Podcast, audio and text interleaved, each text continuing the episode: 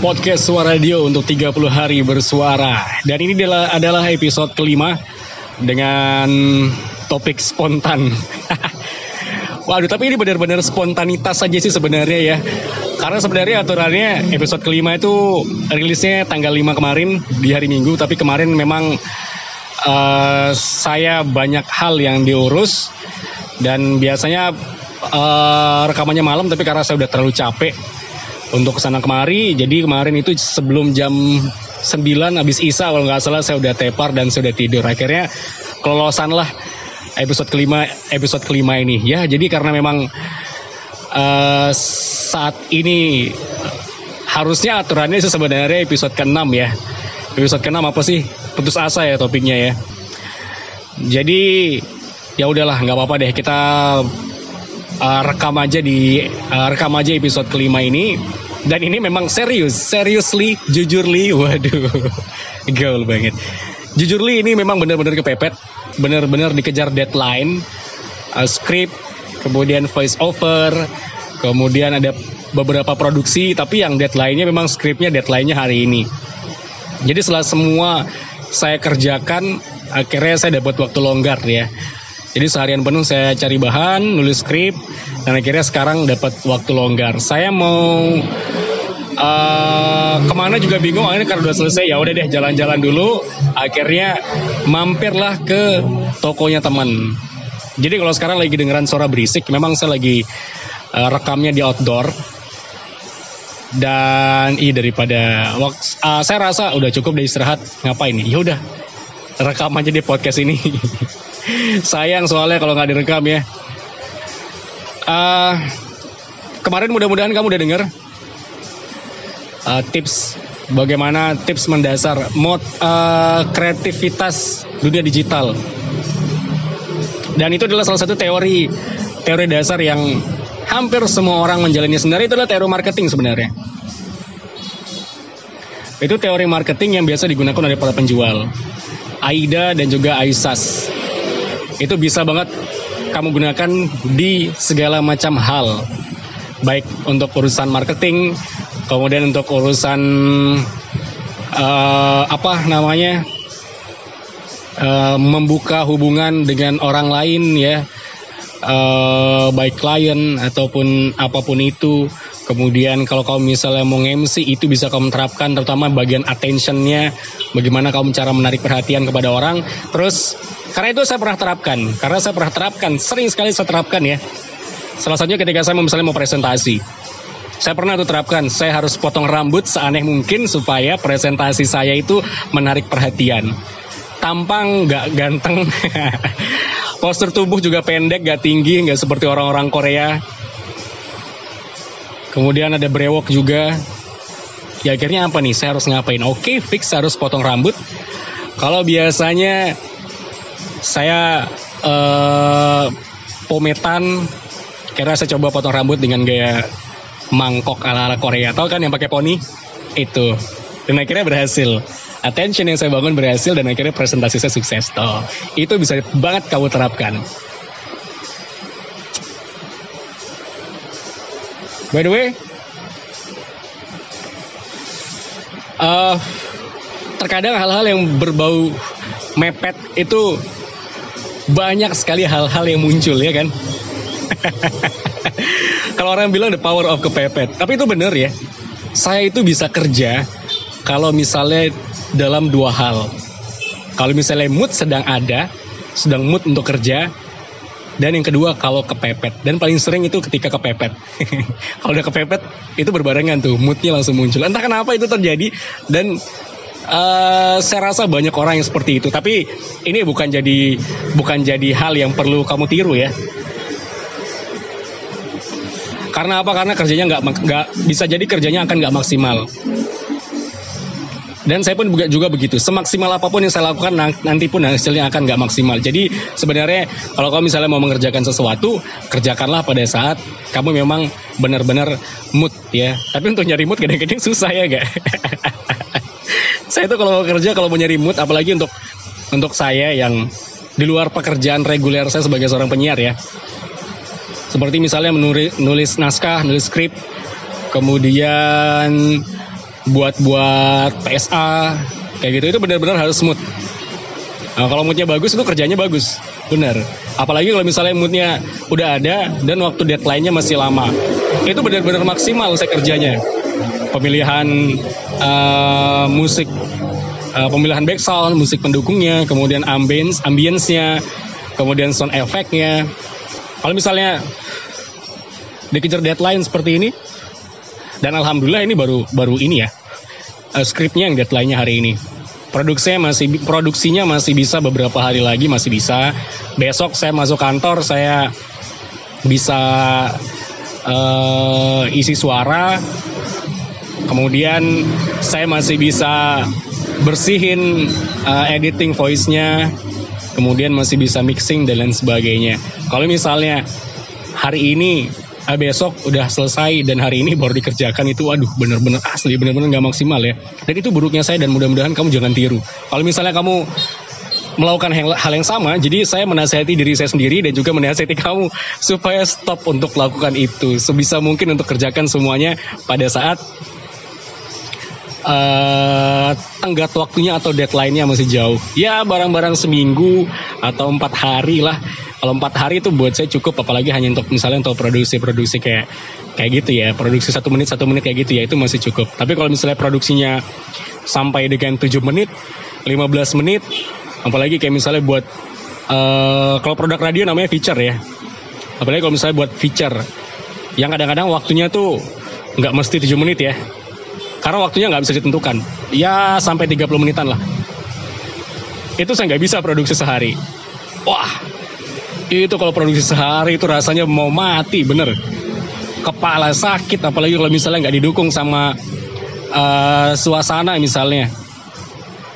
Misalnya uh, lagi lagi rame gitu ya. Lagi rame terus lagi mood juga lagi nggak bagus apalagi ada permasalahan-permasalahan yang wah gitu ya itu benar-benar nggak bisa. Mau makan waktu 24 jam juga nggak bisa. Ya jelas lah karena kalau kalau kecuali kalau besok libur ya. ya kan besoknya deadline. Apalagi deadline besok jam 8 filenya harus sudah sampai. Nah, matilah awak. Nggak bisa apa-apa. Mending mundur. Karena juga kadang-kadang ada tiba-tiba kerjaan-kerjaan yang dikerjakan secara mendadak. Tiba-tiba atasan bilang besok kerjain ini, uh, tolong kerjain ini dan besok harus jadi. Wah itu, itu mau protes tapi itu tugas ya kalau nggak dikerjakan. Uh, apa sih nilainya nggak bagus? ya kan, yang seperti itu kan akan bergantung pada penilaian atasan juga kan. Apalagi kita masih buruh.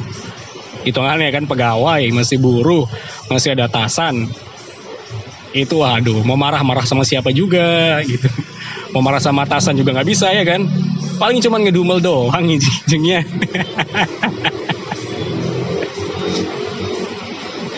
tapi saya pernah beberapa kali waktu itu kerja dengan dengan tipikal atasan yang seperti itu pada suatu waktu, guys, udah kayak mau berdongeng ini. Jadi pada pada pada ya beberapa tahun beberapa tahun lalu lah. Jadi uh, kebetulan dapat bos atasan yang benar-benar pekerja keras. Jadi istilahnya itu waktu itu zaman itu kita lagi tidur, kita itu lagi tidur nyaman, tiba-tiba datang atasan dan kamu pernah nggak sih ngerasain kayak gini nih? Lagi tidur enak-enak nyenyak, tiba-tiba diangkat, diangkat lo bukan dibangunin secara baik-baik. Uh, mas mas mas bangun mas. Enggak enggak. Tapi ini diangkat tangannya langsung berdiri dan suruh lari. Pernah nggak ngerasa kayak gitu? Saya pernah banget ngerasain kayak gitu. Waduh rasanya. Dengan pola kerja yang santai tiba-tiba datang atasan yang workaholic yang hobi banget kerja itu aduh itu mau mau marah tapi atasan paling tinggi. Tapi efeknya apa? Imbasnya apa? Akhirnya ide-ide uh, itu cepat datang. Ide-ide cepat datang, kemudian terbiasa dengan pola kerja seperti itu. Waktu itu uh, dapat kurang kalau nggak salah sat, setahun satu tahun setengah lah. Dapat atasan yang seperti itu. ya awal-awal selama dia ada selama dia ada belum pindah dan belum pensiun itu benar-benar ngedumel karena capek capek banget kerja itu dan akhirnya uh, akhirnya yang terpilih itu beberapa orang termasuk saya waktu itu dan kerja itu kerja itu bisa sampai jam 3 subuh dan jam 8 harus sudah siap semuanya. Itu pernah seperti itu. Di kantor lembur kemudian kerja kerja kerja itu ada beberapa orang yang situ yang dipercaya sebagai tim kerjanya dia eh, dan satu orang itu nggak bisa pegang satu kerjaan saya pernah mengerjakan satu kerjaan eh satu hari lima kerjaan. Pernah. Dan selesai. Selesai semua. Itu karena kita dituntut untuk untuk untuk bisa untuk beres. Dan pernah juga nggak beres kerjaannya. Pernah waktu itu ngalamin. Waktu itu disuruh buat desain kalender ya. Saya itu belum paham bagaimana mendesain kalender.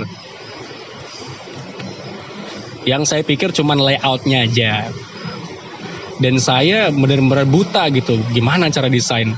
Waktu itu saya masih pegang desain saya masih pegang grafik desain kayak kayak uh, flyer flyer kemudian backdrop kayak gitu. Itu saya masih pegang itu. Disuruhlah buat kalender. Saya mikirnya desain dong. Desain cuman layout aja. Karena laptop uh, panas waktu itu kipasnya uh, rusak akhirnya laptop saya lepas dulu. Udah kerja terus nih kerja terus. Istirahatnya waktu itu laptop. Waktu baru beres kerja sampai jam 4 pagi. Saya bangun jam setengah tujuh, itu saya kerja lagi, kerja lagi, kerja lagi, kerja lagi, kerja lagi. Itu laptop sampai sore. Baru keinget nih, aduh, disuruh buat kalender nih sama ibu. Buatlah saya. Buat tapi cuman layoutnya aja di kertas. Di kertas, jadi saya gambar, gambar, saya buat uh, ya seolah-olah kayak tanggal, kemudian foto-foto foto, kemudian saya uh, sobek bagi dua kertas HVS-nya, kemudian saya staples. Itu ya itu asli saya tuh goblok waktu itu. Antara goblok atau nggak paham. Eh, goblok sih lebih kenanya. Terus sore dia lagi kami waktu itu lagi lagi ngerjain apa ya nggak salah ya ngerjain apa gitu pokoknya kegiatan lah gitu off air lah datanglah saya keluar dari ruangan datang ke bos ke ibu kan atasan paling tinggi nih. Dia lagi kumpul sama uh, kepala-kepala bagian lah itu. Lagi kumpul saya datang nih dengan PD-nya. Dengan PD-nya ngomong gini bu ini saya udah coba buat kayak gini contohnya. Saya sodori lah kertas itu gitu. Saya sodori kertas itu si ibu bukannya senyum. Dia lihat kertasnya dia pegang dia lihat muka saya dan pasang muka sinis kemudian disobeknya kertas-kertas layout yang saya coret-coret gambar seolah-olah itu kalender. Disobek bayangin itu ada berapa ya? Ada satu HVS bagi dua ada sekitar sekitar 8 lembar HVS yang saya bagi dua kemudian saya gambar-gambar depannya apa semua kemudian saya staples itu dia sobek 8 lembar. Eh bukan 8 lembar dong jadinya 16 lembar. 16 lembar itu dia sobek dua kali satu dua kemudian dilempar muka saya. Pek gitu. Itu kemudian kertas-kertas itu turun dan gugur seperti semangat dan rasa sedih beserta air mata saya. yang netes bercucuran Terus dia nggak kasih tanggapan apa-apa. Dia buah muka, kemudian dia tinggalin saya. Plus dengan kepala kepala bagian tuh dicuekin sama dia.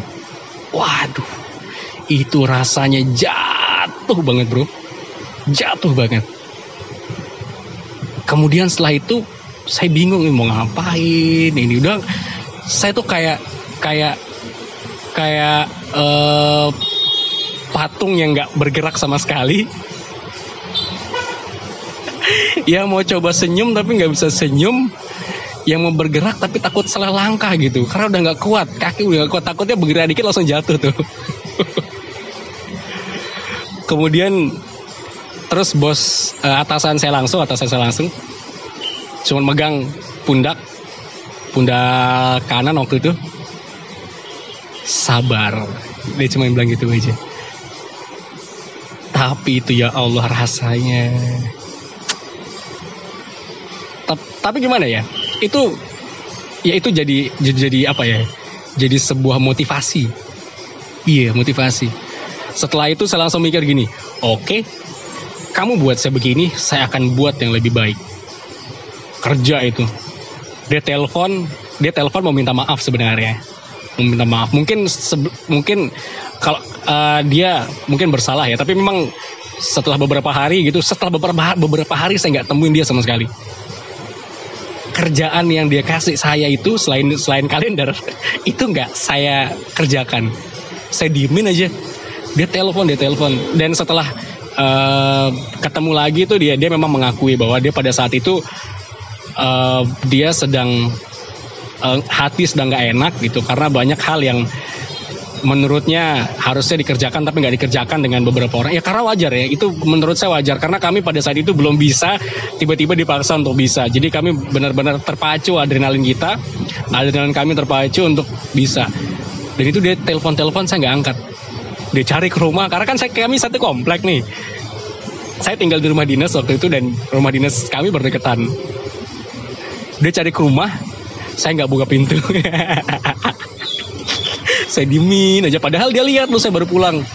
Saya diemin aja saya diemin. Dia telepon saya nggak angkat. Dia telepon nggak angkat.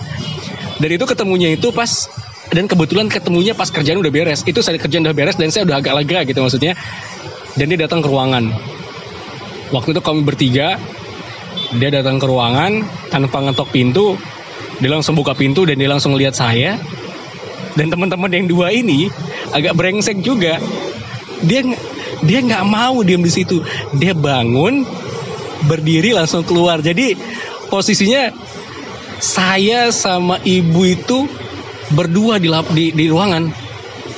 Berdua. Dan saya nggak mungkin dong natap dia karena di atasan. Kalau saya natap dia kan nggak sopan kan etika. Itu balik lagi ke etika ya udah saya pura-pura pegang laptop pura-pura ngetik dia di depan saya.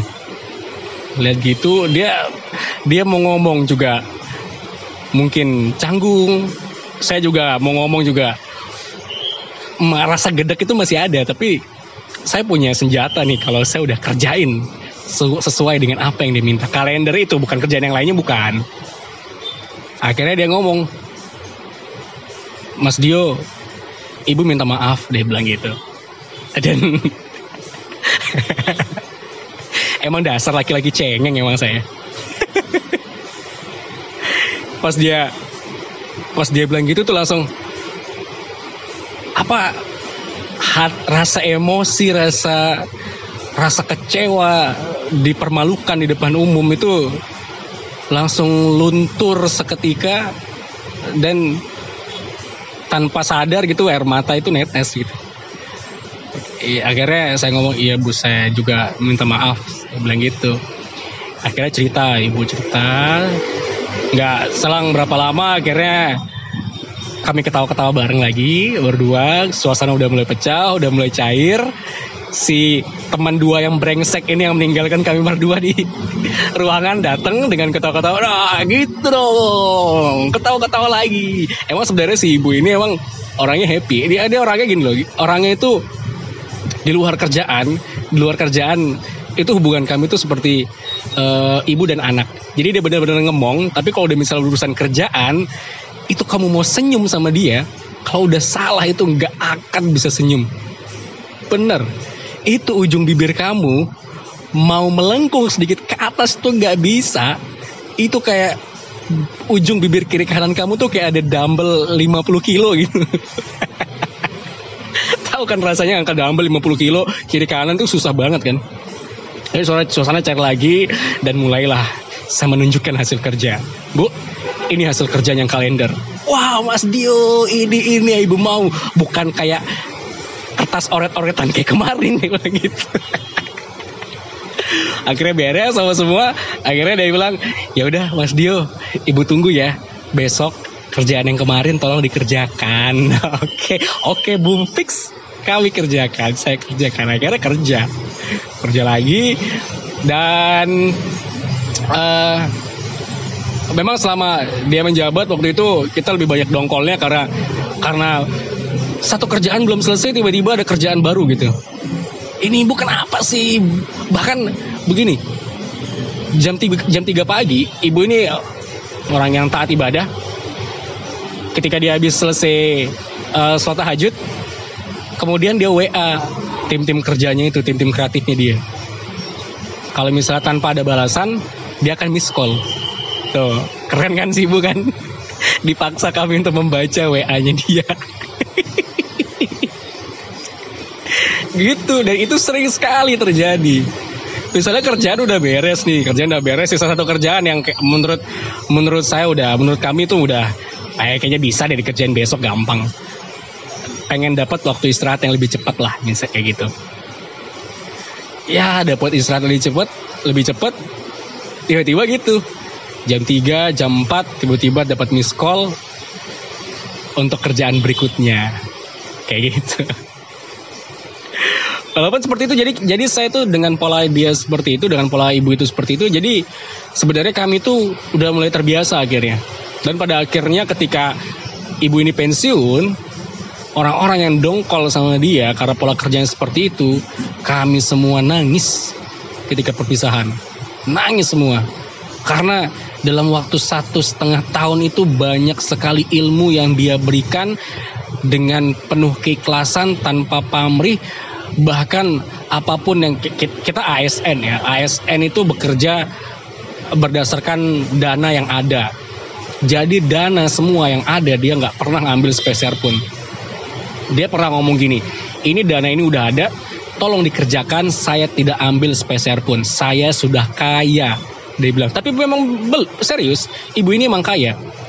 Dia itu punya dia itu suaminya sudah meninggal dan suaminya meninggalkan meninggal itu dengan meninggalkan uh, warisan yang warisan plus perusahaan yang cukup banyak yang mebel, kemudian yang kontrakan, ya perusahaan kita anggap ya, ya mebel, kontrakan, kemudian investasi yang cukup besar, kemudian anak-anaknya udah uh, kerja semua, bahkan ada yang sudah jadi doktor. Jadi dia totally dia menghabiskan masa pensiun tanpa mengambil ya kita kita saya nggak tahu ya saya nggak tahu apakah ada persenan di balik semua dana-dana itu ke atasan saya nggak tahu saya nggak tahu sekali, tapi dia memang sama sekali kecuali gaji ya, kecuali gaji. Dan itu pun ketika kami lembur dengan dia, lembur misalnya ya, dia tahu kita belum tidur nih, dia datang ke kantor, datang ke kantor, kemudian lihat ada beberapa orang, tegur-tegur sapa sapa sapa sapa, kemudian tiba-tiba dia balik, dia balik dan dia bawa mobilnya, dia nggak telepon supir pribadinya, dia bawa mobil kantor, dia keluar keluar cari makan dia kasih kita makan kemudian dia pulang. Itu sering sekali seperti itu. Dan pada akhir dia pensiun kita sudah mendapatkan warisan ilmu yang cukup banyak. Dan ketika mendapatkan atasan berikutnya penggantinya dia kita udah mulai terbiasa dengan pola seperti itu. Terbiasa dengan deadline-deadline yang selalu muncul ide-idenya ketika deadline itu itu sangat luar biasa. Dan itu ke bawah sampai sekarang. Pola itu ke bawah sampai sekarang. Dari satu setengah tahun yang dia kerjakan. Dan satu setengah tahun itu yang dia kerjakan itu mendapatkan hasil. Benar mendapatkan hasil. Tahun 2012 waktu itu. Mendapatkan hasil dan itu membawa nama lembaga bukan nama satker saja membawa nama lembaga ke tingkat nasional. Uh, salah satu ide dari salah satu uh, staffnya, salah satu kepala bidangnya itu dia coba kerjakan dan kami menyatukan ide, kami berkolaborasi dengan banyak orang. Terus hasilnya adalah kita semua menikmati hari libur bersama itu. Yang sebelumnya tanggal itu sama sekali tidak libur berkat ibu ini dan dan staff-staffnya dan juga dibantu dengan eh, atasan-atasan uh, dari pusat yang punya channel-channel luar biasa pada waktu itu akhirnya dilihat merujuk dari pekerjaan yang dia kerjakan itu yang kami kerjakan itu akhirnya pada tahun keberapa gitu tahun berapa akhirnya presiden memutuskan bahwa tanggal itu adalah hari libur nasional yang kita menikmati sekarang. Oke, sekian podcast dari saya. Terima kasih. Sampai jumpa di podcast berikutnya.